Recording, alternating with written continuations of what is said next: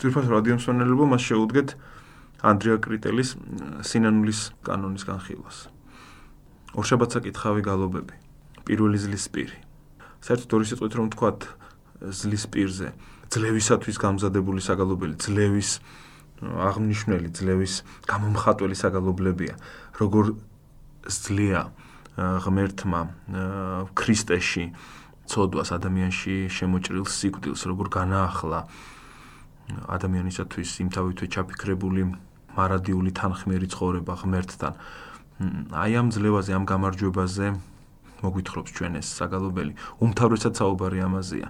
მიუხედავად იმისა, რომ სინანული საგალობელი ქვია, სინანული არაფერია თუკი მას მიზნად და შედეგად არ მივყავართ სიხარულამდე, ღმერთთან ერთობამდე.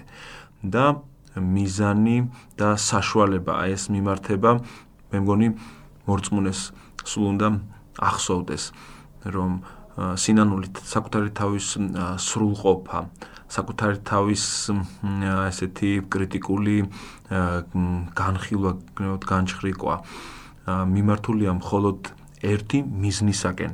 აქ მიზანი არის ხაზგასასმელი. მიზანი კი როგორც ვთქვით მდგომარეობს იმაში რომ ადამიანი შეხვდეს ღმერთს. ადამიანი ვერ ვიტყვი დაუბრუნდესო იმიტომ რომ ადამიანს ეს მდგომარეობა მოპოვებული არ ქონდა. მაგრამ შეგვიძლია ვთქვათ რომ ესე იგი ეს საშუალება მიმართულია იმ მიზნისაკენ რომ ადამიანი ესე იგი მიახლოს იმ მდგომარეობას, რომელიც ღმერთს მისთვის კონდა ჩაფიქრებული. ღმერთს კი ადამიანისათვის ნეტარი, მარადიული, სიხარული ცავსე, სიცოცხლე მატერიალური, ესეთი განხორციელებული სიცოცხლე ჰქონდა ჩაფიქრებული და მან ამ მიზანს მიაღწია ქრისტეში.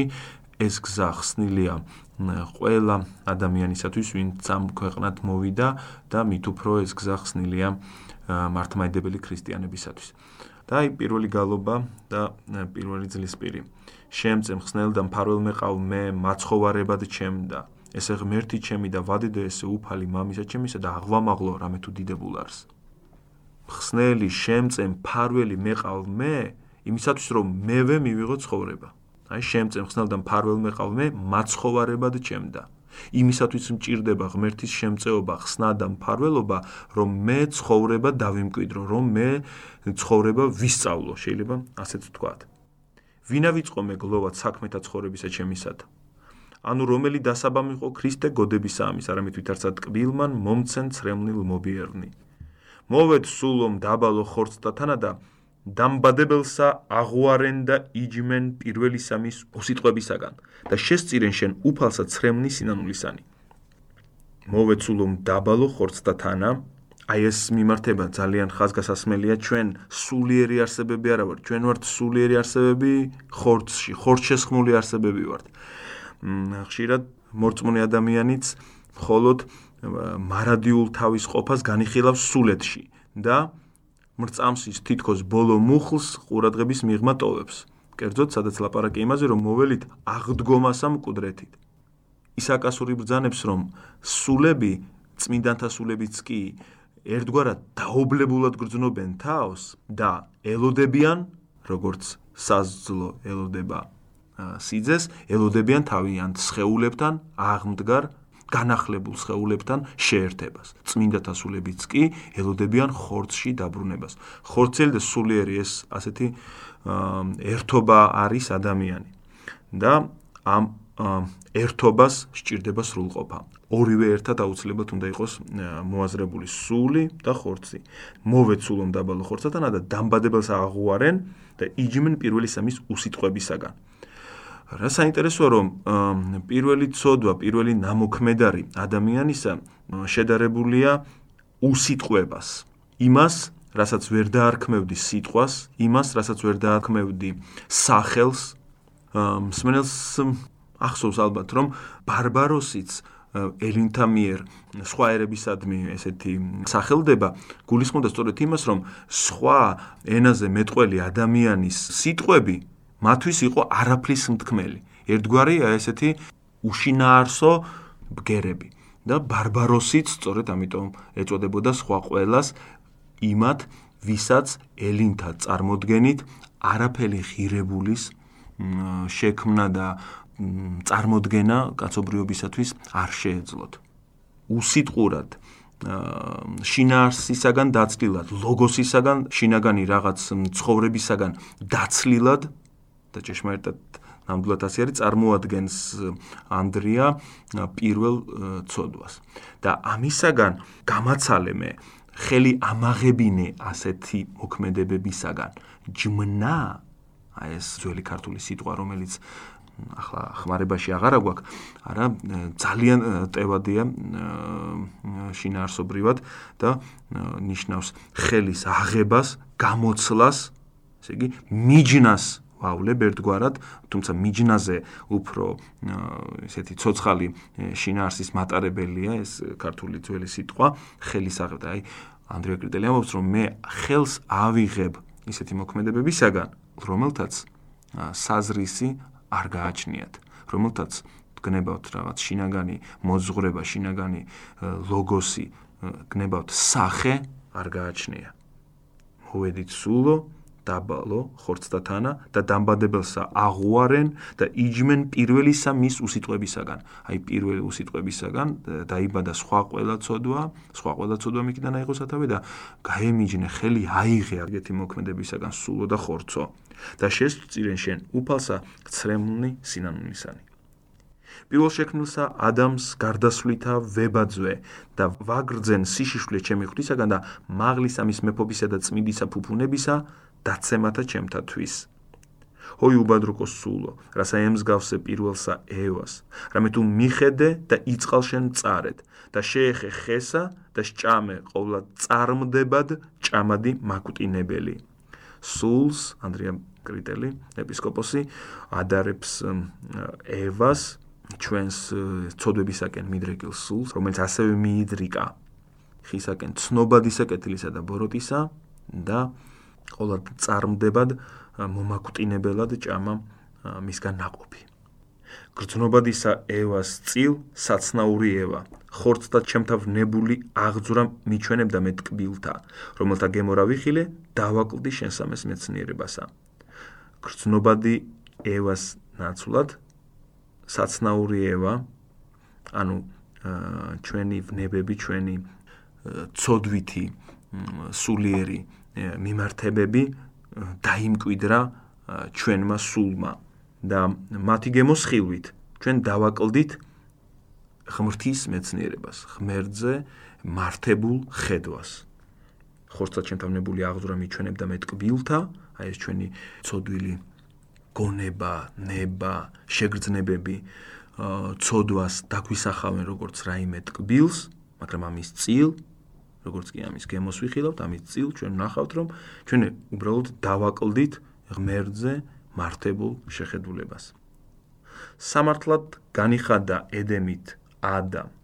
რამე თუ არა დაიმარხა ერთი მცნება შენი, ხოლო მე რავყო, რომელიც სამარადისოდ უდევყოფ სიტყვათა შენთა მაცხოვარ.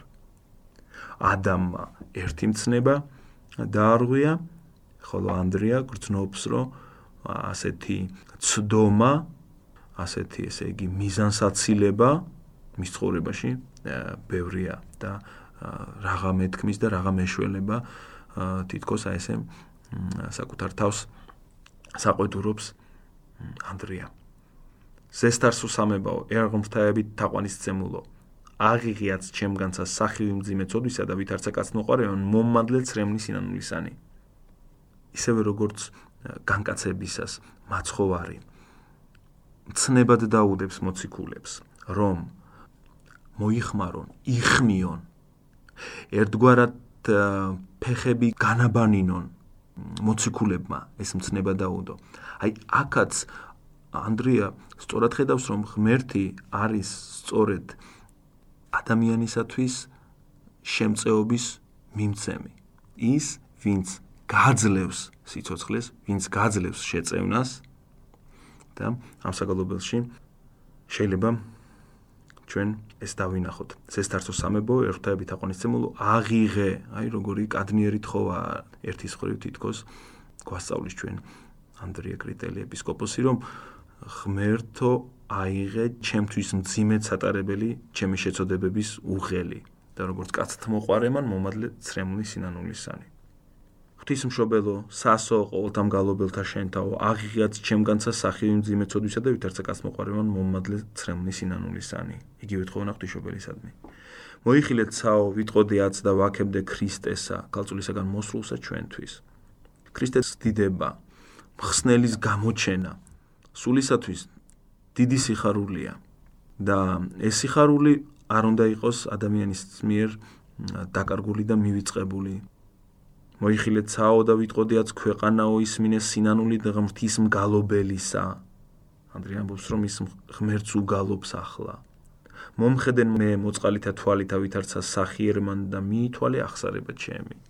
როგორც კეთილმა მამამ გადმოხედე ჩემს ცხოვრებას და მიითვალე ჩემი ახსარება. შეგწოდე შენ უფრო ის ყოველთა კაც და ხოლო მან განგარისხე, არამედ ღვთაებარ მაცხოვნე ქმნილი შენი. პირველ პასუხისგებლობაზე მიანიშნებს ეს ლოცვა. ანდრია არ ლაპარაკობს კაცობრიობის წოდვაზე, არამედ თავის პირად ცდომილებაზე, თავის პირად შეწოდებებზე. შეგწოდე შენ, ანუ იგულისხმება რომ მე შეგწოდე შენ უფრო ყოველთა კაც და მე მხოლოდ მე განგარისხე, არამედ ღვთაებარ მაცხოვნე ქმნილი შენი. მხოლოდ ღმერთობა თუ დაიტევს და ღმერთობა თუ გადაფარავს აი ჩემს, ასე ვთქვათ, უკეთურ ცდომილ გზას. გამოსახენ უკეთურნი ვნებანი გემოსხილითა ურჩებისათა და წარწმინდე გონებისა მშვენიერება. გარდამეცნეს ღელვანი ვნებათანი მოწყალე უფალო არამედ ვითარცა პეტრეს ხელი აღმიფყარ. გასაგებია აქ რაზეც არის ლაპარაკი, როდესაც მაცხოვარი წყლით გაიulis და პეტრეს მის თხოვნაზე ნებას დართავს მანაც გამოიაროს, ხოლო შეიპყრობს რა შიში და ერთგვარი ურწმუნოება პეტრეს იწებს დანთქმას და შეღაღადებს უფალს ხელი აღმიფყარ. ამომიყვანე წყლიდან გადამარჩინე, აი როგორც მაშინ ესე სიკვდილის პირას და დახჯობის პირას. მდგარ მოციქულს ხელი აღუპყარი, ასევე ასეთი მდგომარეობაში ჩემი სული და ასევე ვითხოვ მე ხელის გამოწუდენას, ამბობს მემკვიდრე ეპისკოპოსი. ბიწი არ მყავ ტაძარი ხორცთა ჩემთა. დავაბნელე ხატება და მსგავსება, რომლითა პატივ მეც. დავაშავებ წყინვალება სულისა გემოთავნებათათა და მიწად გამოვაჩინე გონება. ძალიან საინტერესოა მიწად გონების გამოჩენა. ერთის მხრივ ჩვენი გონება მიწა არის, რომელიც უნდა დამუშავდეს და რომელმაც უნდა ناقოფად გამოიღოს კეთილი ღვთისათნო ქმედებები, აზრები, მაგრამ აქ მიწად იგულისხმება ნაყოფონია დაგი. განბძარე პირველი სამოსელი, რომელი პირველიდან მიქსოვა ღმერთთან და ვძე მე შიშველი. პირველ სამოსლად გულისხმობს იმ მსგავსებას, რომლითაც ღმერთმა ადამიანი შეამკო, რომელიც დაკარგა რა ადამიანმა, მიიღო სხვა სამოსი. ეს არის სიკვდილის სამოსი. ესე იგი განუბძარე, დავარღვიე, დავაკნინე პირველი სამოსელი, რომელიც პირველიდან მიქსოვა ღმერთმა და ვძემე შიშველი. რა თქმა უნდა, მსმენელს აქ უძღების შვილის იგავიც გაახსენდება და ის სამოსელი პირველიც, რომელიც ბრძანა მამამ უძღების შვილისათვის შეემოსად და ამ თემაზე შემდეგ ჩვენი კლასიკოსის გურამ დოჩანაშვილის სამოსელი პირველიც გაახსენდება. თუმცა ამ შემთხვევაში შეგვიძლია უფრო არქაულ სახესიმბოლომდე გადავინაცვლოთ და ვილაპარაკოთ იმაზე, რომ სამოსი, რომელიც ადამიანს ემოსა, იყო პიროვნული ერთგვარი თვითსრულყოფილების ბეჭედი, ესეთი ერთგვარი პერანგი, რომელშიც შემოსილი იყო ადამიანის სული. პიროვნული თვითსრულყოფილების ესეთი უნარი, რომელიც ჰქონდა ადამიანს, რომელიც მან დაკარგა და ახლა შემოსილი არის სიკვდილის და ხრწნადობის სამოსელით. მოსიეს მე ხენეში კვარტი, რომელიც მიქსოვალ გველმან ედემს განზრახვით და კტემულ ვარ შენგან. აი აქ სწორედ ხაზგასმა არის ამაზე განბრძარე მე პირველი სამოსელი მე პირველიდან მიქსოვა ღმერთმან და ძე მე შიშიშვლით. მოსიეს მე ხენეში კვარტი, ეს ხენეში კვარტი სწორედ არის ცუდი უარგისი, ეს სიკვდილია, ეს ცუდი და უარგისი, რომელიც გველმა ედემის ბაღში განზრახ შესთავაზე და რომელთაც შეიძლება ითქვას შემოსა მთელი კაცობრიობა. მეძავისამის ცრემლთა მეცა შევწირავ მაცხონივით არ იგი მაცხოვარ წყალუბითა შენითა. ახალი აღთქმისეული სიუჟეტია, როდესაც მაცხოვარი ცოდვებს შეუნდობს მეძავს მისი ცრემლის წილ. და თუკი ჩვენ სინანულის ცრემლები გადმოგწვივა გულიდან და თვალიდან, ჩვენ წყალობას მივიღებთ, ამას ითხოვს აქანდრია. წარწმუნდე მე პირველ ქმნილის სიკეთე და შვენიერება ჩემი და მდებარე ვარ შიშველი და ყდემული. აქ გრძელდება ის აზრი, რომელზეც მაღლა იყო საუბარი. პირველ სახე, პირველ ქმნილის სიკეთე, რომელიც დაკარგა ადამიანმა, მდგომარეობდა იმაში, რომ პირველ ქმნილის სიკეთე იყო ის ხატება, რომელიც ჩადებულია, ესე იგი ადამიანში, რომელიც დაკარგა ადამიანმა ჩვენ ზემოთ ვილაპარაკეთ ხატებაზე, აქ ჩვენ შეგვიძლია ვივარაუდოთ მსგავსება წარწმუნებები პიროქმნილი სიკეთე, მშვენიერება ჩემი და მდებარე ვარ შიშველი და ყდემული. ბეჭდა ჩემდა მცემდეს მწარეთ ნებათა წინამძღვარნი და მათნი ძმაცვანი განაგრძუნეს ჩემზე და აქ შეგვიძლია გავხსნათ ანალოგია 128 ფსალმუნიდან სადაც დავითიც ამბობს ბეჭდა ჩემდა მცემდეს მე ცოდვილნი და განაგრძვეს უჯულოება მათი. აი ანდრე კრიტელიც ამდაგვარად წერს ბეჭდა ჩემდა მცემდეს მწარედ ვნებათა წინამძღვარნი და მათნი ძმაცვანი განაგრძუნეს ჩემზე და სამებასა ერთსა სამპირებით ვაქებ ყოველთა ღმერთსა მამასა ძესა და სულსაწმინდასა ერთ არსება სამპიროვანი ღმერთი. კარგად აქვს გააზრებული რა არის ანდრია კრიტელს და მის სადიდებელს მის საკებარს სიტყვებს აღმოთქვამს. უბიწო დედოფალო ქალწულო ყოლად საგალობელო ევედრე გულმოდგინეთ რათა გვაცხოვნეს. შეურყეულსაზე და კლდესა ბრძანებათა შენთასა დაამტკიცე ქრისტე გული ჩემი. სარწმუნოების კლდეთ და სახამაცხოარმა პეტრეს მიერ აღიარება რომ შენ ხარ ქრისტე ძე ცოცხალი ღმერთისა აი ეს აღიარება აი ეს დასტური რომ ქრისტე არის ღმერთის ხსნა იესო მაცხოვარი არის მხსნელი აი ამ სარწმუნოებაზე დგას ეკლესია. და ამ რწმენაზე როგორც კლდეზე მეც დამამტკიცე ქრისტე. ევედრება კრიტელი ეპისკოპოსი. შეურყევლსაზე და კლდესა ბრძანებათა შენთასა. შეურყევლ კლდესთან ამ ლოცვაში ნაგულისხმებია უფლის ბრძანებები, უფლის მცნებები. ადამიანი, რომელიც უფლის მცნებებზე ააგებს თავის ცხოვრებას, იცის ანდრეამ, რომ შეურყეველი იქნება მისი ცხოვრება. თუკი ადამიანის გული იმარხავს უფლის მცნებებს, ასეთ ადამიანი დაცულია ბოროტებისაგან. ცეცხლი უფლისამიერ სულო, უფალმა ნაწიმა პირველ და დაწუნა ქალაქნის სოდომური. თათაღის სტრაფე შენ ჰოისულობით რიგი პირველ ლოდ და სეგორს შეესწარ დაქცევასა. საკუთარი შეცოდებებისაგან ერთგვარ გაქცევაზე საუბრობს ანდრია კრიტელი ეპისკოპოსი და ჩვენც მოგვიწოდებს ამისაკენ.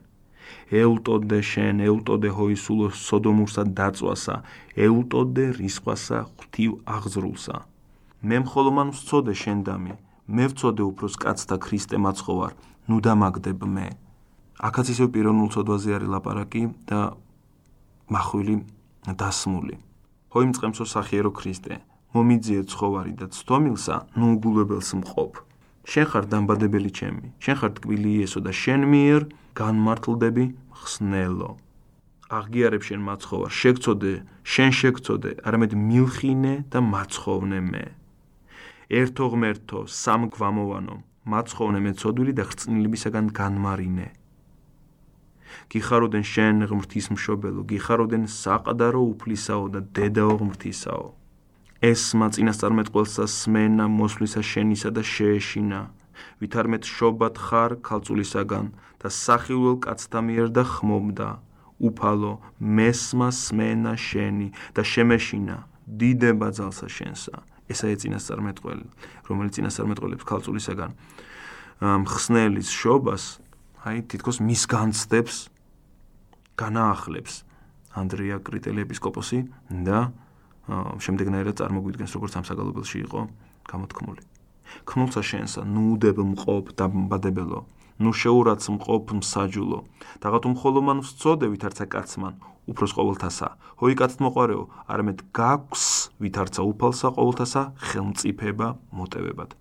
მიხვდეთ იმისა რომ მე ჩავიდინე ცოდვა, მე ვწოდე, მე ვიცი, რომ კაცთ მოყარე ხარ, მე ვიცი რომ არის შენს სამეფოში, შენს სამფლობელოში შესაძლებლობა იმისა, რომ მე გავსწორდე, მე ამ ყველაფერზე მივიღო თქვარი ხელახალი ცხოვრების შესაძლებლობა. ახლოს არს სულო სიკვდილი, ახლოს არს არაზრუნავ, არც ამ ზაიქნები, ჟამი შემოკლებულ არს, აღიმს თუ შენ ახლოს და კარტაზე და დგას მსაჯული.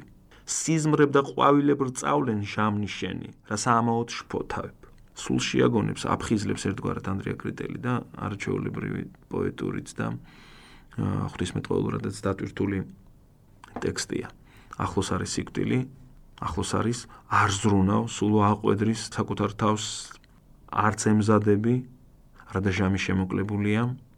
წრაფად ზეწამოდექი, აღმსდობა სწორედ წრაფად ზეწამოდგომას ნიშნავს. კარზეა მომდგარი მსაჯული და მთელი ეს ცხოვრება გადაივლის როგორც სიზმარი და როგორც ყვავილი ჭკნება, ასე დაჭკნება ისიც და ამაოებისათვის ნუღარ გაირჯები. განიფრთხენ შენ სულო ჩემო, მოიხსენე საქმენი რომელნი გიქმნიან და მათი შენანება მოართო ღმერთსა და ცვარი ცრემთანი გამოადინენ. კადნიერად მიუთხრენ საქმენი მოგონები თურთ ქრისტესა და განმართლდი.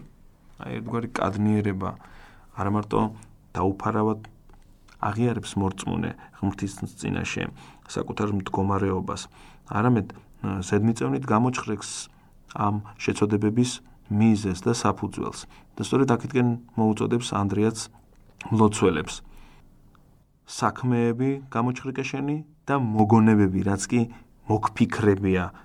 მოფიქრებიდან იბადება საქმე. არა არს სოფელსაშინა ცოდვა, არცა დაცემა, არცა სიბოროტე მხსნელო, რომელი მე არა მიწოდავს. გონები და სიტყვით და მოგონებით. ნებებით და ჯერ ჩინებით და ქმნით, ვითარ სხვასა არცა ერთსა ვისადა. მიხოთ იმისა, რომ ეპისკოპოსი იყო და წმინდა ცხოვრებით ცხოვრობდა ანდრია კრიტელი. გრიგოლ ნოსელის მსგავსად, რომელიც ბრძანებდა, რომ მიხოთ იმისა, რომ მე ხალი არ ვიცი, მიხოთ ამისა, ხალწულება ერთგვარად დაკარგული მაქვს. მსგავსად ამისავე ანდრიაც ზოგ ცოდვას ნამოქმედად ჩამოთulis ზოგს მოგონებით და თulis რომ ყველა სხვა ადამიანის მიერ ჩადენილ შეცდომებზე ვარესია. არა არც ოფოსაშინა ცოდვა, არც დაცემ არც სიბოროტე მხსნელო, რომელიმე არა მიწოდავს გონები და სიტყვით და მოგონებით, ნებებით და ჯერჩინებით და ქმნით, ვითარცა სხვასა არც ერთსა ვის სადა. დედამიწის ზურგზე არსად და არავის. ჯერ ისე არ შეუსწოდავს როგორც მე ამბობს. ამისგან მხილებულ ვიქმენ, ამისგან დავისაჯე მე საწყალობელი თვით სვინდისისათვის ისაგან, რომლისა არ არა უმკვეთლეს არს. მაცხოვრდომ საჯულო ჩემო გამომიხსენ და მაცხონე მონაშენი. სინდისი ყველაზე მჭრელ, ყველაზე კარგ, ყველაზე გამკვეთელ იარაღად დაგვისახა ანდრიამ და ჭეშმარიტად ასე არის. სინდისი როგორც საუკეთესო საშუალება იმისაც რომ ყოველმა ჩვენთაგანმა გამოიკვლიოს, გამოიძიოს საკუთარი თავი.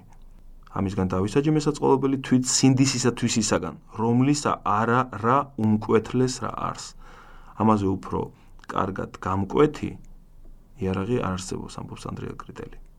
კიბე, რომელი იხილა მამამთავართა შორის დიდმან, სულოჩემო, სახე იყო საქმისა ახსვლათა და მეცნიერებისა მის ხარისხთა. გნებავს თუ საქმით და ხედვით და მეცნიერებით ცხოვრება? განახლდი შენ. იაკობ მამამთავარზე ელაპარაკი, რომელიც მაშინ როდესაც ბრუნდება ესავთან შესახვედრად, იხილავს კიბეს, რომელზეც ანგელოზები მოძრაობენ ზემოთ და ქვემოთ. რაც ერთგვარად ღვთისმშობლის სიმბოლოც შეიძლება იყოს წინამამების განმარტებით, ეს კიბე, რომელიც იხილა მამამთავარმა, სახე იყო საქმისა ახსვლათა ადამიანური ნამოქმედარი ადამიანის მიერ შემეცნებული ღმერთი. ღმერთისაგან ადამიანისათვის გამოცხადებული ჭეშმარიტება. აი ეს კიბე აი ეს საშუალება რომლითაც ზეცა და დედამიწა ერთმანეთთან გაერთიანებულია ესე იგი საქმეზე ადის ჩვენი მეცნიერებაც და ესე იგი ჩვენი ხედვაც, ჩვენი შემეცნებაც სამყაროზე, საკუთარი თავის რაობაზე, სიცოცხლეზე, ამ კიბეზე მოძრაობს, ზევით გადაეცემა, ზემოდან ქვემოთ ჩამომსვლელიც არის, ანგელოზი, ღვთაებრივი სიტყვა, რომელიც ასევე შეეწევა ადამიანს ამ საქმეში. და შენს გნებავს სულო. ამ კიბით დაუკავშირდე ღმერთს საქმით გინდა დაუკავშირდე, ხედვით გინდა დაუკავშირდე, ცხოვრების გაგებით ერთგვარად მეცნიერებით ცხოვრება, ესე იგი გააზრებულიცა და საზრისიც რომ ნაპოვნი გაქვს ცხოვრების. აი ამ ყველაფრით გინდა გქონდეს ერთგვარი ესეთი კავშირი ზეცასთან ღმერთთან. ამის საშუალება არის ის რომ განახლდე. აბა კიდე ერთხელ თუ წავიკითხავთ. კიბე, რომელი ხილა მამამთავართა შორის დიდმან, სულო ჩემო, სახე იყო საქმისა აღსვლათა და მეცნიერებისა მის ხარისხდა. ესე იგი, შემეცნებას ღმერთზე, სამყაროზე, საკუთარ თავზე, სიკლსიცოცხლეზე, სიკეთესა და ბოროტებაზე წოდნას აქვს თავისი ხარისხი, თავისი საფეხურები ერთგვარი არა? და აი ამის სახე იყო ის კიბე. არის ერთგვარი იერარქია, არის ერთგვარი წარმატებიდან წარმატებამდე სვლა. გნებავს თუ საქმი და ხედვი და მეცნიერები ცხოვრება? შენს გნებავს ასე საქმით. ღმერთისაგენ ჭრეტით მეცნიერები ცხოვრება. ძიმე განახლდი შენ.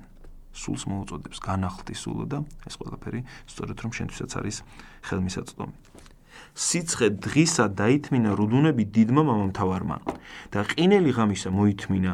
დღითი დღე ჭირთა შემატებითა მწყსითა ცვითა მრწემობითა რათა ორნი მეუღლენი მიიყვანეს.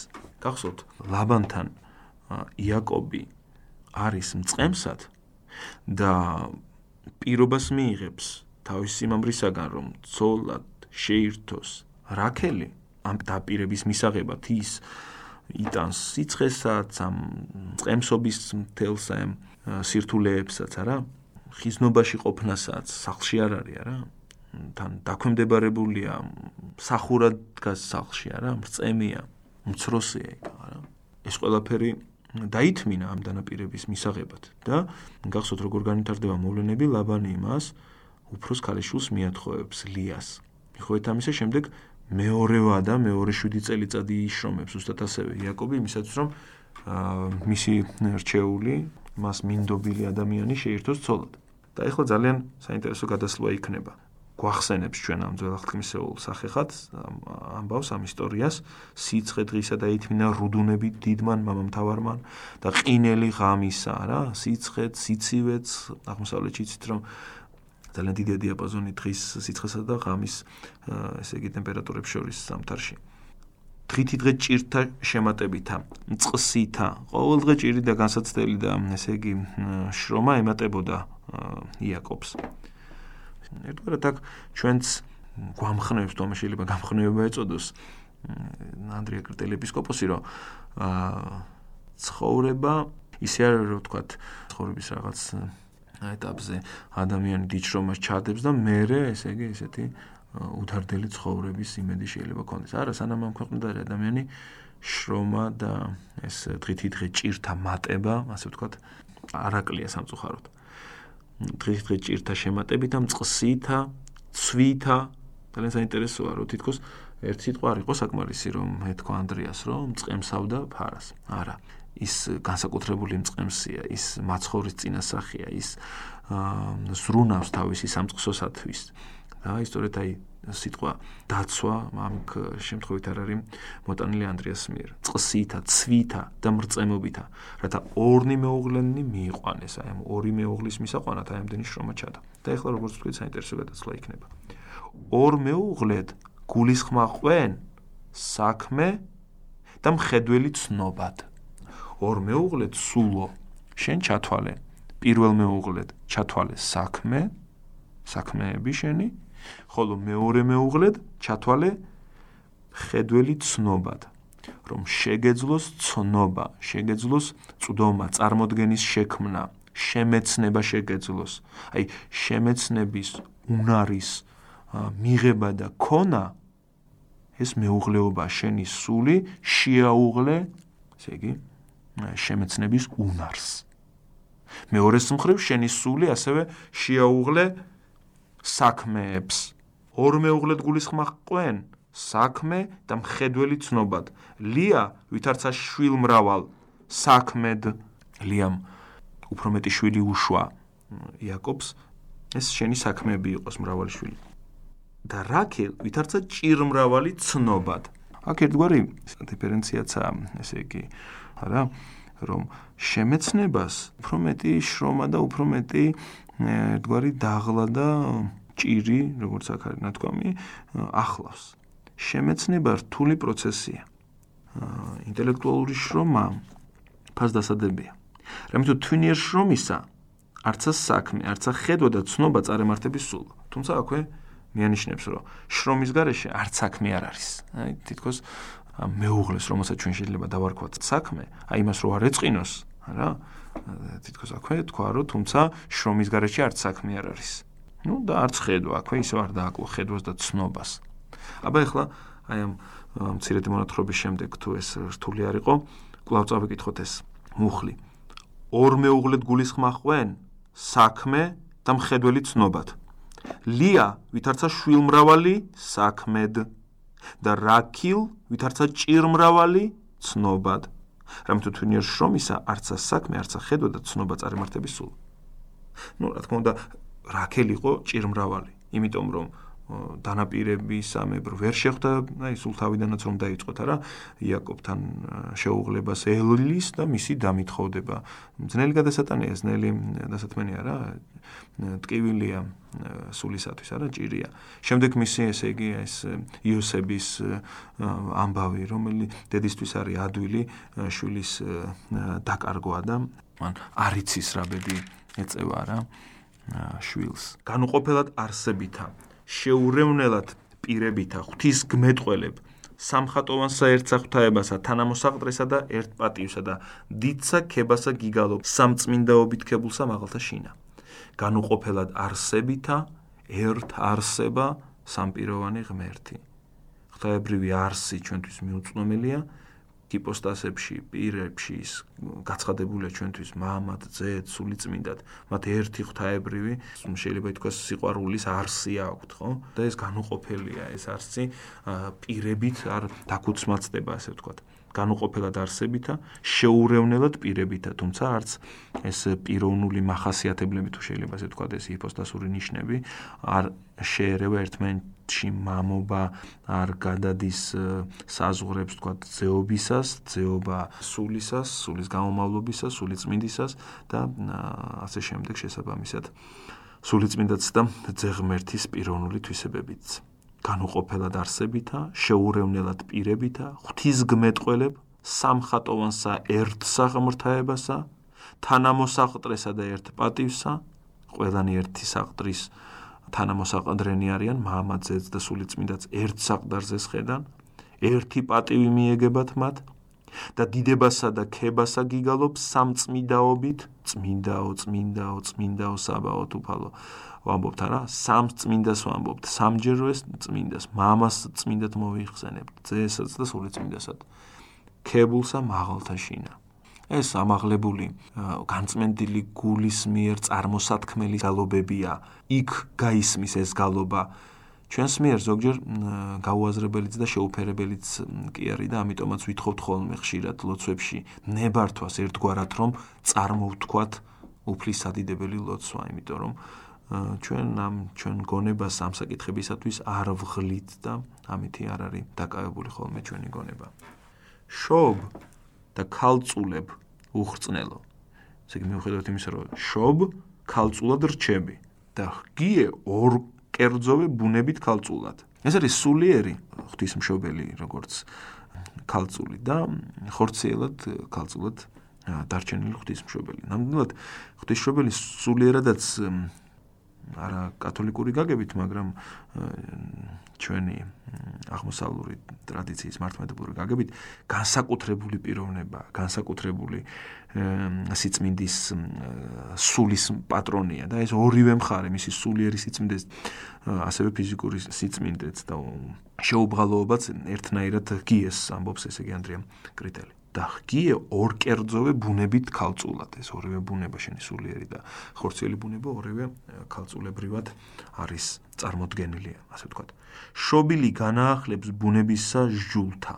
ის ვინც იშვა მაცხოვარი განაახლებს ჩვენი ბუნების აი თითქოს უკვე არსებულის თითქოს უკვე უცვალებელი ბუნების ჟულს. მოვლენათა რიქს ჯერს. ის ვინც ღვთისმშობელისაგან იშვა ის განაახლებს ხოლო საშო შობს განუხრწნელად. სულიერი განახლების სიმბოლოა მაცხოვარი, ხო? და ის რაც ღვთისმშობელი კი შობს ისე, რომ არ ირღვევა ფიზიკური სტრუქტურა, შეგვიძლია ასე ვთქვათ. რამე თუ წეს და ბუნებისათა ძლევს ღმერთი. არა და ბუნებითი წესი ისეა, რომ როდესაც ჩვილი იბადება ქალის ფიზიოლოგიაში ხდება რაღაც რღვევა, რაღაც კვალსტოვებს დედაში, არა? მაგრამ წეს და ბუნებისათა ძლევს ღმერთი. მაგრამ ამ ადამიანურ წესსაც ღმერთი ძლევს და ხობს მას, რაიცა ენებოს, იმას იმოქმედებს, რაც მას სურს. აი შეიძლება დავსვათ ასეთი კითხვა. რატომ ჩაიფიქრა ღმერთმა, ან რატომ მოხდა ისე, რომ ღვთისმშობელმა შვა მაცხოვარი და დარჩა ქალწულადვე? რა დააკლდებოდა ღვთისმშობელს ან ღმერთს ღვთისდიდებულებას, რომ მაცხოვარი შობილიყო ჩვეულებრივი ბუნების წესით. ისე როგორც სხვა ყველა ყრმა შობილა და დედაში დაუტოვებია, ასე ვთქვათ, კვალი. ხომ არ შეიძლება აქ ჩვენ ვისაუბროთ იმაზე, რომ ღმერთი აი ამ განსაკუთრებული მოქმედებით ხას უსვამს ერთ რამეს, რომ ის არა მარტო ადამიანის პიროვნებას არ ეხება, არა მარტო ადამიანის სულზე არ ძალადობს და არანაირად არ უხეშად არ ზემოქმედებს მას. არამედ, როდესაც მას გამოხსნის საქმისათვის ადამიანური სხეულიც კი დასჭირდება ის, რაც თითქოს ერთის მხრივ წარმოუდგენელია, რომ ღმერთის შეხების კვალს არ იჩენდეს თავის თავზე. აი, მაშინაც კი, ესე იგი, ის ძლევს ბუნებით წეს და ისე მოგვევლინება, რომ ადამიანს ერთგვარად არ კონდეს გასაფიქრებლადაც კი ესე იგი ისეთი აზრი რომ ღმერთთან ჩემი შეხვედრა მე რაღაცით მაკნინებს მე რაღაცას მომაკლებს. ღმერთი არის მხოლოდ ის ვინც რაღაცას გაძლევს და მაშინაც კი როდესაც შენი ბუნებითი მდგომარეობა შეიძლება დასჭირდეს ღმერთს აი მაშინაც კი შენს ხორძ ჩვენს ბუნებაზეც კი ესე იგი არ დატოვებს ზემოქმედების არავითარ კვალს. მაცხოვარი იშვა ისე, რომ ღვთისმშობელი ქალწული დარჩა ქალწულადვე. იმიტომ, რომ ღმერთმა ხაზი გაუსვას, რომ ღმერთი ადამიანს არაფელს დააკლებს. არაფლით არ იძალადებს. არა მარტო სულიერად, არამედ ხორციელადაც. ხამიდან ვიმსთობ შენ და კაცთმოყარე გამანათლე მოქენე და მიძღოდე მეტკბილო ცნებათა შინა შენთა და მასწავლე სახიერ ქმნა ნებისა შენისა. მოქენე ძოლქართული სიტყვაა და ძალიან მარტივად რომ დავშალოთ ასე თირამე გამოდის. მოდი და ქენი. ისმით ანუ გევედრები რომ აღასრულო რაღაც ხო? ხამიდან ვიმსთობ აღმსთობაზე ვთქვით. სწრაფადზე წამოვდგები ხამიდანვე ამბობს ანდრია კრიტელიეპისკოპოსი ხამიდანვე სწრაფადზე წამოვდგები კაცთმოყარე რეითხოს განათლება რომ ხო ჩემში გევედრები გამანათლე მოქენე. მე ვითხოვ იმას რომ შენ მოხვიდე და აღასრულო ქნა ჩემში ნათელი. გამანათლე მოქენე. და მიძღოდე მე ტკბილო ცნებათა შინა შენთა და მასწავლე სახიერ ქმნა ნებისა შენისა. აი ეს მასწავლე მე სახიერ ქმნა ნებისა შენისა ძალიან მნიშვნელოვანი სიტყვები არის ჩემთვის და აგერ ანდრია კრიტელი ეპისკოპოსიც ხას უსვამს ამ სიტყვებს და როგორ საგალობელში გამოაქვს ხედავთ. ჩვენ ხშირად შეიძლება ითქვას, რომ ქრისტიანობის საფარველ ქვეშ წარმართული მიდრეკილებები გვჩება. კერძოდ რა წარმოშობისა ეს ქართული სიტყვა წარმართობა, ხო? ანუ რაღაც არა ჭეშმარიტი ან არა გამოცხადებითი ღმერთის თაყვანისცემა და რაღაც ისეთი ბუნებითი ესეთი რაღაც რელიგიის მიდეონება ქართულად არის წარმართი. ესე იგი, რაღაც შინაარსაც გამოხატავს ეს და ნახეთ როგორც თუ დამეთანხმებით. წარმიმართე. ი წარმართული ღმერთი არის ღმერთი, არის ურთიერთობა, ისეთი სახის ურთიერთობა ადამიანსა და ღმერთს შორის, როდესაც მე ღმერთს ვეუბნები, წარმიმართე, აღმასრულებია ეს საქმე. მე მაქვს რაღაც ჩანაფიქრი, დამეხმარე ამ ჩანაფიქრის წარმატებით აღსრულებაში. წარმართება, ხო? შინაარსიდან გამომდინარე. ესე იგი, წარმართული ურთიერთობა ადამიანსა და ღმერთს წარმართული რელიგიური შინაარსი გულისხმობს იმას, რომ ადამიანს რაღაცა უნდა და ღმერთს მოუხმობს ამის აღსასრულებლად. ერთგვარ რელიგიურ გამოცდილებაში შედის, რაღაც მისტიურ გამოცდილებაში შედის იმისთვის, რომ აღსრულდეს მის მიერ ჩაფიქრებული. ამის საპირისპირო არის ქრისტიანული. ქრისტიანობაში გამოცხადებით ღმერთში, ღმერთში რომელმაც ჩვენ გვიპოვა, სხვაგვარად არის. მასწავლე რის იქნა ღირს და რა არის საკეთებელი. აქ უფრო კითხვის დასმა და ძებნა აღმერთის. აი როგორც მამაოჩვენო შენა თქვა. იყავ ნება შენი. აი ეს ღვთის ნება არის მოსაძებნი. აი მართალი მიმართება ადამიანის ღმერთისადმი. აი მართებული ღვთისმეტყველება. აი ჭეშმარიტი რელიგია. ისე შეშინებული ვარ ამ სიტყვა ჭეშმარიტის ხმარებით სამწუხაროდ, რომ გესმით რა მიზეზის გამო, იმიტომ რომ ჩვენს გარშემო არიან ადამიანები, რომლებიც ისე ხშირად ხმარობენ ამ ჭეშმარიტი ღმერთის, ასე ვთქვათ, ამ სიტყვაში თანხმებას, რომ მე რო უკვე უნებლიეთ რაღაც სულ ასოციაცია მოგდის, რომ შენც ხო ამდაგვარად ასე იგი არ გაგიგებს მსმენელი. თუმცა მოკლედ აი ეს გვინდოდა რომ გამოგვეხატა. მიძღოდა მე ტკბილო მცნებათა შინა შენთა და მასწავლეს სახი ერქმნა ნებისა შენისა. ესე იგი ადამიანი, ვარწმუნე ადამიანი, ქრისტიანი ადამიანი დარწმუნებულია რომ ღმერთის ნება არის სიხარულის მომცემი, სიტკბოების მომცემი და სხვა რამე სიტყვის. მასწავლე ეს ნება როგორ აღვასრულა. ძალა მომეცი ამ ნების აღსასრულებლად. ამის საპირისპიროდ წარმართული მიმართება, როდესაც ადამიანი რაღაცას დაისახავს, არც კი გამოიძიებს, ეს არ გულისხმობს იმას, რომ ყველაფერი ასე სახავ და შეწენას ვითხოვ ღმერთისაგან წარმართულია. არა, ამას არ გულისხმობს, არამედ უბრალოდ ასე ვთქვათ, თლიანად როდესაც წარმართველი ეს პრინციპია, რომ მე რაღაცა მინდა. მე არ მაინტერესებს ეს შეესაბამება რაღაც ჩემს დანიშნულებას ამ ქვეყნად ღვთის ესე იგი ვთქვათ რაღაც ჩანაფიქრებს მე ეს საკითხები არ აინტერესებს წარმართს. წარმართს რაღაცა სურს და მიმართავს ღმერთს ჩანაფიქრის აღსრულებაში მიიღოს ესე იგი შემწეობა. აქ კი როგორც თქვით ამით დაასრულოთ და მასწავლე მესახი რქმნა ნებისა შენისა. ცხოვრება ჩემი ბნელსაშინა წარვლე რამე თუ არ მურწყვდიათ და უკუნ მომცველ მეკნა ხამე ცოდვათა ჩემთა არამედ ძედნათლისად გამომაჩინე მხსნელა ცოდვა შედარებულია სიბნელეს. სიბნელეში მავალი ადამიანი მით უმეტეს როდესაც მის გარშემო ხიფათით სავსე სამყაროა რომელიც ბოროტებაშია ჩავარდნილი ამ ბოროტებაში ჩავარდნილ სამყაროში ხიფათით სავსე სამყაროში თვალდახუჭული სიარული სიბნელეში სიარული თვალი რომ დაიბრმაო. ასე სიარული რა თქმა უნდა დიდ რისკთან არის დაკავშირებული. და გასაკვირი არ არის რომ ადამიანი რომელიც თვალს დაიბრმავებს და სიბნელეში ივლის რაც არ უნდა შემთხვევით აუაროს. ბევრ ხიფათს გვერდი სადღაც მაინც აუცილებლად რაღაცას ესე იგი ასე ვთქვათ ფეხს წამოდებს და დაზიანდება. ცხოვრება ჩემი ბნელსაშინა წარულე მთელი ცხოვრება ესეთად მიაჩნია ანდრიას თავისი განვლილი. რამე თუ არ მორწყდიადე, ღრმა, დიდი წყდიადი მაგდებს მე ჩემი ცოდვები და უკუნ მომცվել მექმნა ღამე ცოდვათა ჩემთა. ჩემმა ცოდვებმა დამიბნელა ეს თვალთახედვა, საერთოდ გარემო სამყაროს, ჩემს დანიშნულებას, ღმერთს, ციკლოს სიცოცხლეს, სიკეთე და ბოროტებას. ვერ ვჭრეთ. ცოდვამ დამიბნელა ეს ყველაფერი. და ახლა ევედრება რომ არამედ ძედ ნათლისად გავომაჩინე მხსნელო მსგავს ვიქმენ რუბენისა მე დახსნილი და ყოვლად უსამართლო და უშჯულო განზრახვავ ყავ ღრთისათვის მაღლისა და ვმძლავრე საწოლსა ჩემსა ვითარცა მან მამისამან. ну თქვენ გახსოვთ ეს დაბადებიდან არის ადგილი. ამ ქვეყანაში ყოფნისას ადგა რუბენი და შევიდა ბილჰასთან მამამისის ხარჭასთან და გაიგო ეს ისრაელმა. იაკობის ერთ-ერთმა შვილმა რა უფროსმა შვილმა აა ესეთი ცოდვა ჩაიდინა რომ მამის ხარჭასთან დაიდო საწოლია რა და მეც ამას დავემსგავსე უსამართლოდ და მეც ვიძალადე იმ საყოფელზე, თქვათ, რომელიც ჩემი არისო, როგორც მან ეს იგი თავის მამისაზე, ასევე მეც აი ეს ანალოგია მოგწოლი აღთქმისეული ანდრიას. აგერებ შენ ქრისტე ღმრთისა კრავო, შეგწოდე შეგწოდე შენ, დავითარცა იოსებ ძმათა, მეცა განვიყიდე ناყოფი სიწმიდისა და უბიწოებისა.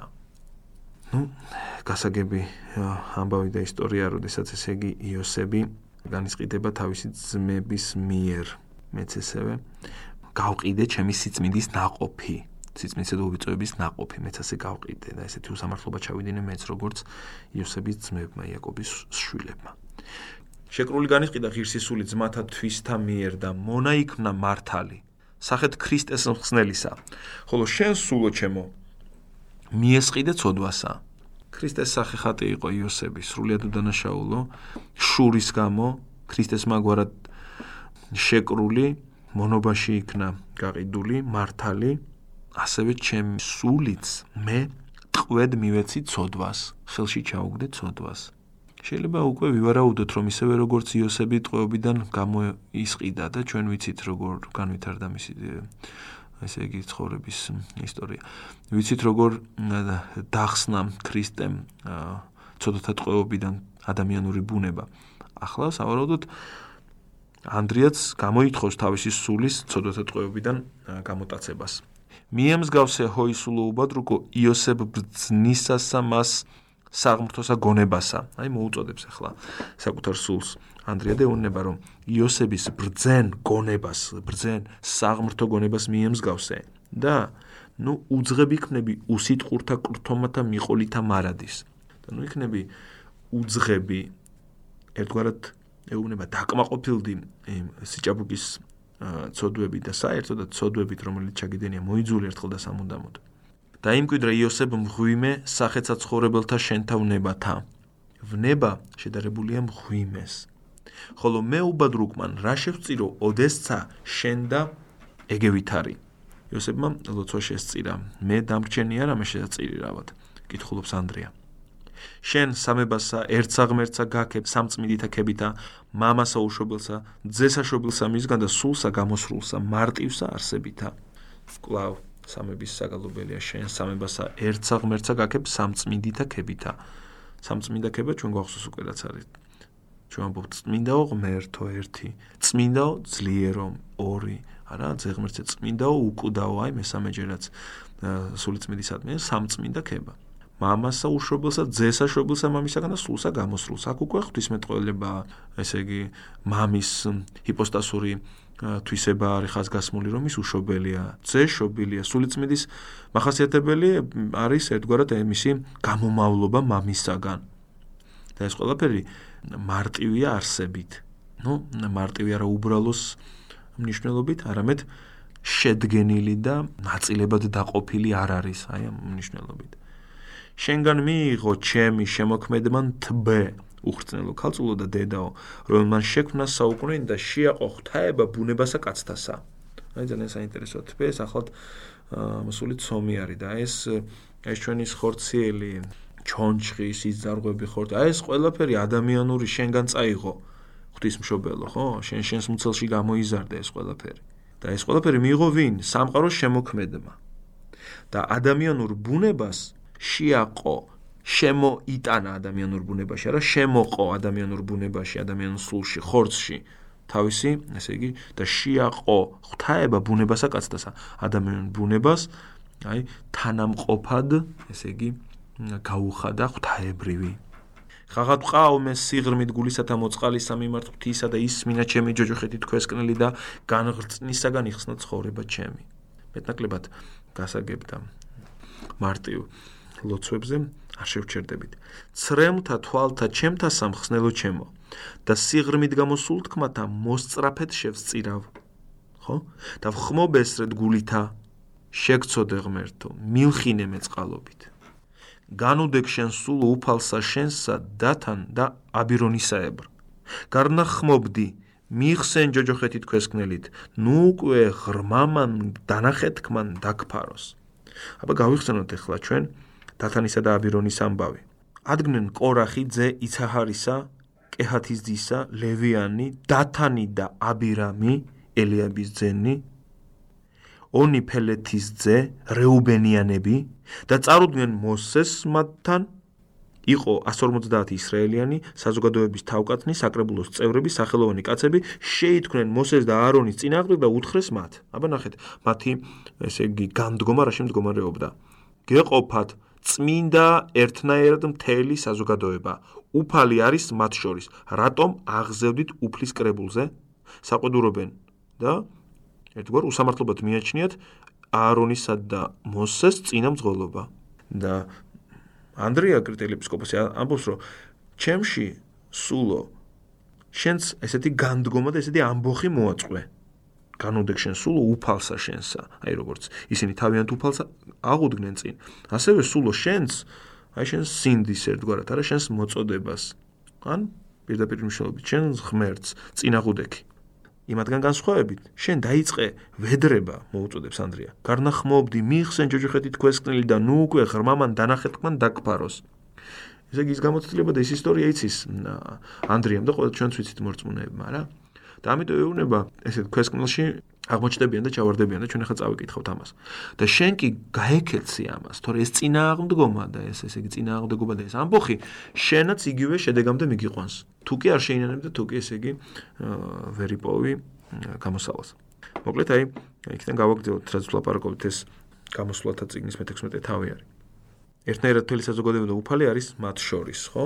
რატომ აღზევდით უფლის კრებულზე? ეუბნებიან ეს ადამიანები, ვინც ჩვენ ჩამოთვალեցები და მათ შორის ესე იგი დათანი და აბირონი და თქვა მოსემ ამით გაიგებთ რომ უფალმა გამომგზავნა მთელი ამ საქმის აღსასრულებლად რომ ჩემი ნება არ ყოფილა თუ ჩაოლებრივი სიკვდილით დაიხოცებიან ესენი და ჩაოლებრივი ბედი ეწევათ მათ არ ყოფილვარ უფლის გამოგზავნილი და თუ არ ნახულ რასმე ჩაიდენ ზუფალი მიწა პირს დააღებს თანთქავს მადამ თელ მის საბადებელს და ცოცხლივ ჩავნელ ქვესკნელში იწოდეთ უფალი დაუგმია ამ ხალხს.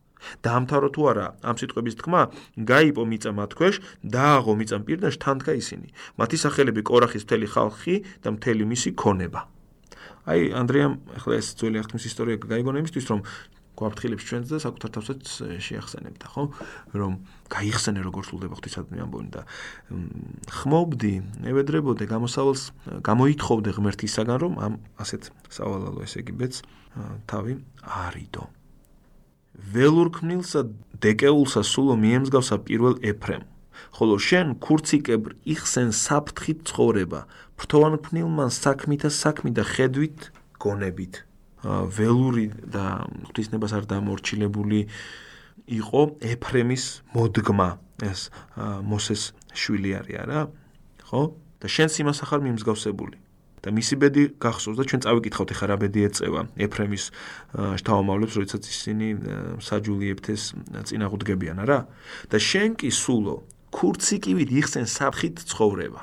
აი ქურციკი ძალიან ესეთი ცქვიტია, სწრაფია და ესეთი მოქნილია და ადვილად დაუსყლდება საფრთხეს და შენ სულო გამოიჩინე ესეთი ერთგვარი მოქნილობა, ერთგვარი ესეთი სისწრაფე, სისხარტე დაეხსენი ცოდვას, დაეხსენი აი ამ წინააღმდეგობას, ღვთის წინააღმდეგობას, აი დაუსყლდი ხელიდან. ეხლა აქ მახსენდება ცოტა შეიძლება სხვა კონტექსტში იყოს, მაგრამ სენეკას წერილები ლუცილიუსისადმი და აი პირველივე წერილი ასე იწყება, რომ გამოსტაცე შენი თავი საკუთარვე თავს.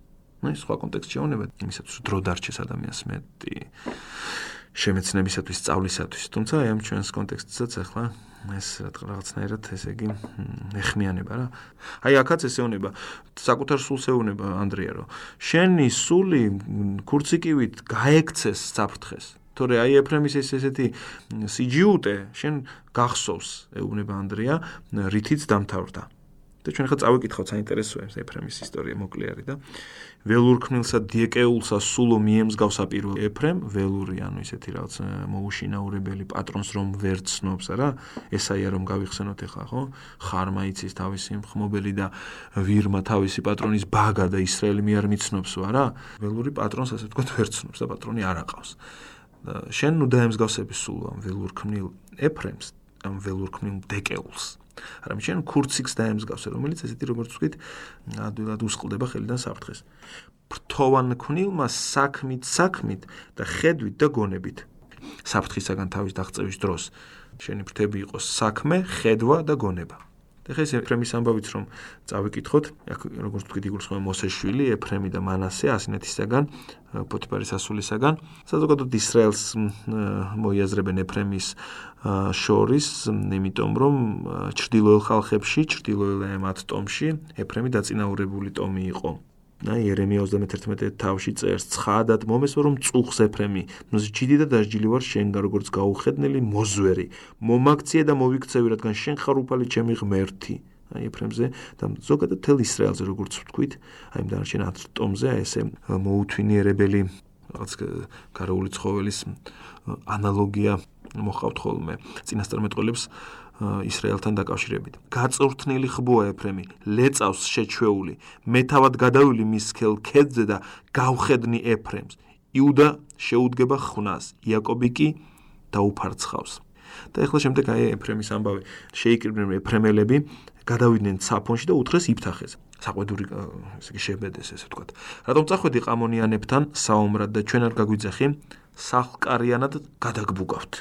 უთხრა მათ იფთახებ.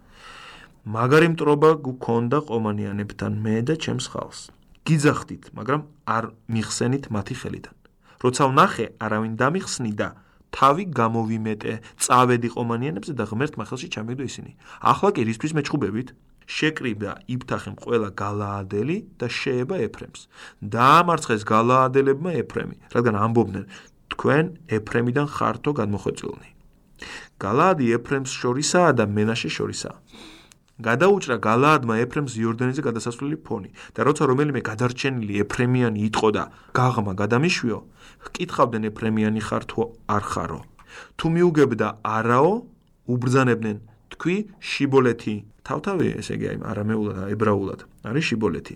და ძალიან საინტერესოა რომ ეფრემელები ვერ გამოთქვამდნენ ასობგერა შს. და აი ასე ესე იგი ესეთ ხერხი მოიგონეს თუ კი ეფრემელი მოინდოემდა თავის გადარჩენას და გადასვლას ესე იგი აი სამშვიდობოს არა? მათი დახვდებოდნენ ესე იგი ეს მოწინააღმდეგეები და აი ესეთ პატარა გამოცდას უწყობდნენ. აბა თქვი თავთავი ებრაულად უნდა ეთქვათ შიბოლეთი არა? და ის კი იტყოდა სიბოლეთი შს ვერ გამოთქვამდნენ. ასე მიხვდებოდნენ რომ ეფრემელი იყო. სხვაგვარად წარმოთქვა არ შეეძლოთ.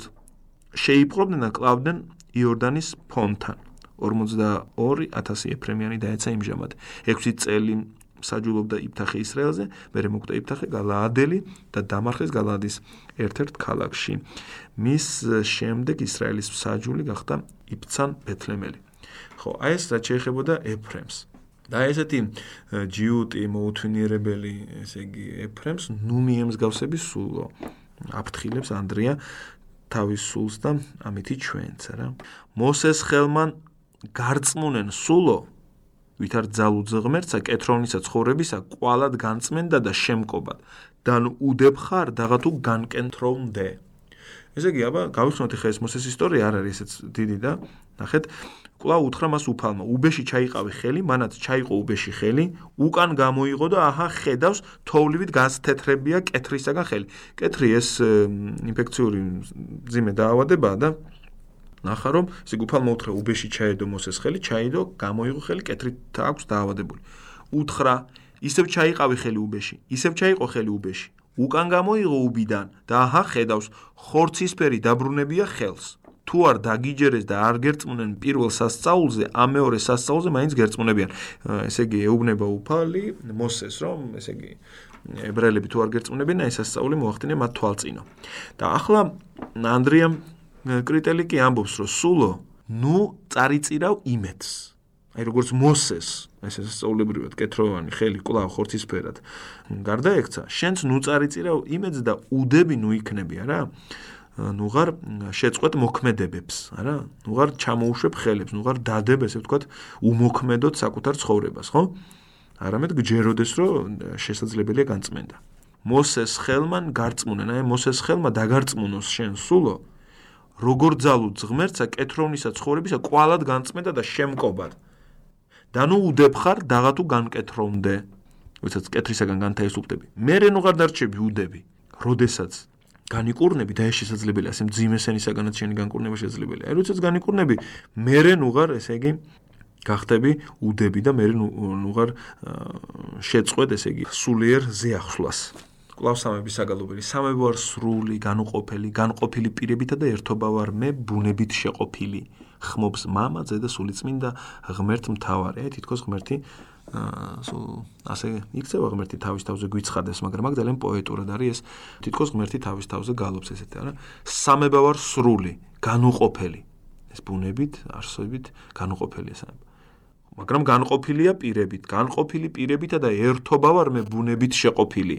ძალიან ლამაზია, მე ძალიან მომწონს პოეტურია. ხმობს мама, ზედა სულიწმინდა. ღმერთი გვიშვა საშომან შენმან ზალო ხატითა კაცებრივითა რომელსავით არცა მიზეს საყოველთასაც ცხოვრებად ჩვენ და ევედრე ღვთისმშობელა სულო ჩემო სულო ჩემო აღზდე გრასა გძინავს ახსასრული მოახლოებულ არს და გეგულების აღშფოთება განიღივ ზერათა შეგიწყალოს შენ ქრისტე მაღმერთან რომელი ყოველგან არს და ყოველსავე აღავსებს თუ კი არ გამოიღვიძე სული შფოთი დაატყდება თავს ღმერთის პირისპირ წარდგომისას და ამას შეახსენებს ანდრიან საკუთარ სულსაც და ყველა მორწმუნის სულს. სწოდე და ურჯულო ვიქმენი და სიცრუე ვყავ წინაშე შენსა და არა დავიმარხე და არც ავყავ წინაშე შენსა მეუფეო ვითარიგი შენ მომცენ ჩვენ. ესე იგი ჩვენ არც დავიმარხე და არც აღვასრულეთ ის რაც შენ ჩვენ მცნებად დაგვიდევი. გარნა ნუ მიმცემ ჩვენ სრულიად მაღალო.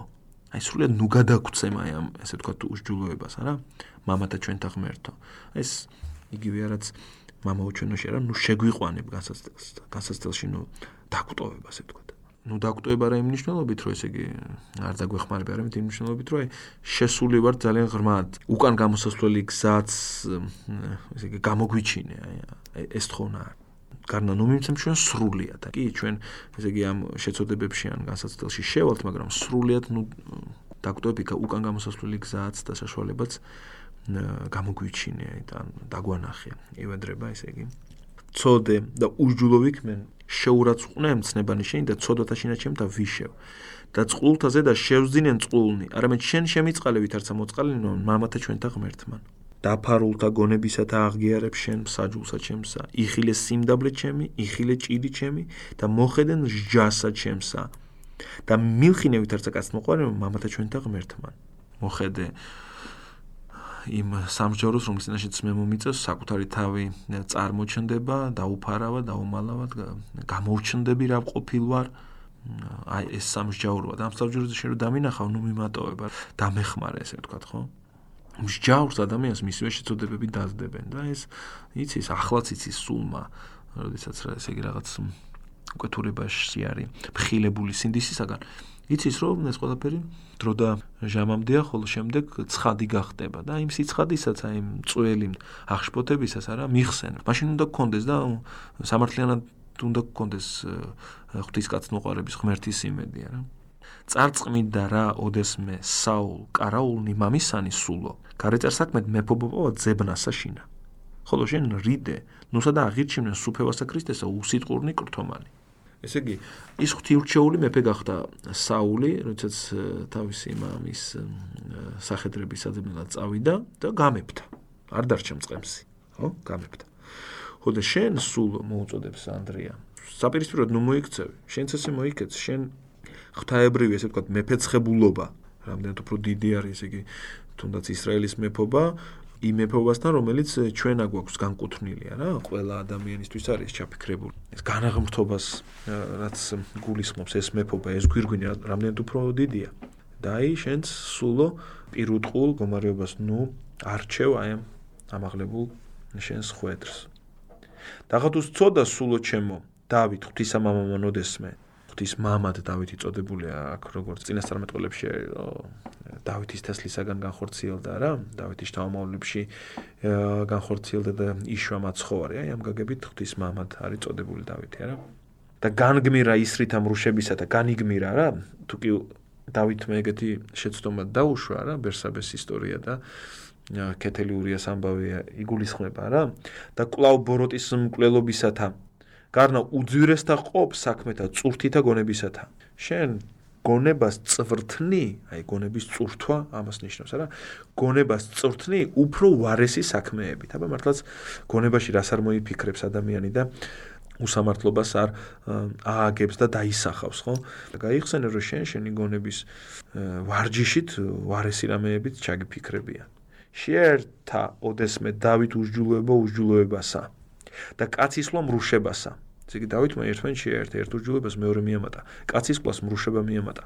ხოლო სინანულიც მრჩობლი აჩვენა, მაგრამ სინანულიც მრჩობლი, ანუ ორმაგი, თუ ორმაგი იყო ცოდვა მრუშება და კაცისკლა, სინანულიც გაორმაგებული იყო.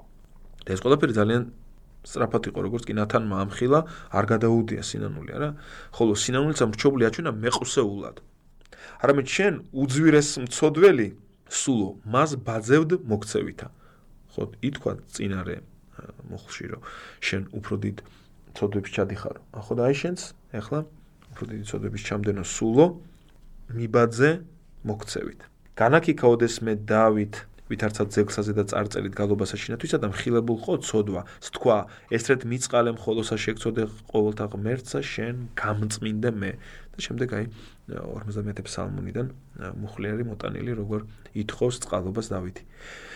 კვაო სამების საგალობელი, მარტივი და განუყოფელი, თანაარსად თაყვანისცემული, ქებული წმინდათა მიერ, ნათელი და ნათლელი, სამწმინდა სამება ღმერთი, ცხოველი და ცხოველნი, ადიდენ სულო და ერთხთაებად მონე. გიგალობ შენ, თაყვანის გცემ შენ და გაკურთხევ შენ ღმრთისა დედაო. რამე თუ ერთი წმინდისა სამებისა შეუ ქრისტე ღმერთი, სრული ჭეშმარიტ და შენ განმიხვენ ჩვენ ქვეყანისათა შესავალნი ცათანი. ღვთისმშობელს ევედრება, რომ ზეცაში, ღვთაებრივ რეალობაში შესვლელი კარი სიმბოლურად რომ ვთქვათ, ჩვენთვისაც გაიღოს სანაცვლოდ. რომელსაც ძალნი აქებენ და ზრწიან მისგან ქერუბიმ სერაბიმნი ყოველი აგებული ყოვლით სულით ზნობდით და უпроსად აღამაღლებთ მათ უკუნისამდე. აი ღმერთს ესე ამაღლებულად ვაქებდეთ, მოგვიწოდებს ანდრია, კრიტელი ეპისკოპოსი. შეწოდებული შემიწყალე მხსნელო და წადიერყავ გული ჩემი აი მონდოემბა დაბადე ჩემს გულში. რისი მონდოემბა რომ მოვიქცე რომ შევიცვალო. მონანული მაცხოვნე და მომხედე. რომელი ხმობ შეგწოდე შემიწყალე და წარწმენდული მპოვე. აი დაკარგული მიპოვე ევედრება. ეტლთა მფლობელი ილია ეტლითა სათნოებათა და ახთა რეცა ზეცად. სათნოებები იყო. რა მაღიყვანა ის ადამიანის ზეცად არა ილია წინასწარმეტყველი ეს? რა თქმა უნდა ღვთაებრივი მადლი და ძალა იყო მაგრამ სათნოებებს აქვს შედარებული კრიტელ ეპისკოპოს ეს მისი სათნოებები იყო ისეთივე ცეცხლის ეტლს მიმსგავსებული და მიწიერი კაცი ზესთა ექნა ჰაერსა. აი სათნოებებმა, ესე იგი ღმერთისთვის მოსაწონმა, ესე ვთქვათ, საქმეებმა სათნო, სათნო ცხოვრება ადამიანი, მიწაზე დაბადებული ადამიანი, ჰაერის მოქალაქე გახადა. ახსვლას მის მისცა იხსენებდი შენ სულო ჩემო. გაიხსენე ეს ის მისი ასვლა, ელისეოდესმე შემწყნარებელმან ილიას ხალინისამან მიიღო მრჩობლი მადლი უფლიცა მიერ.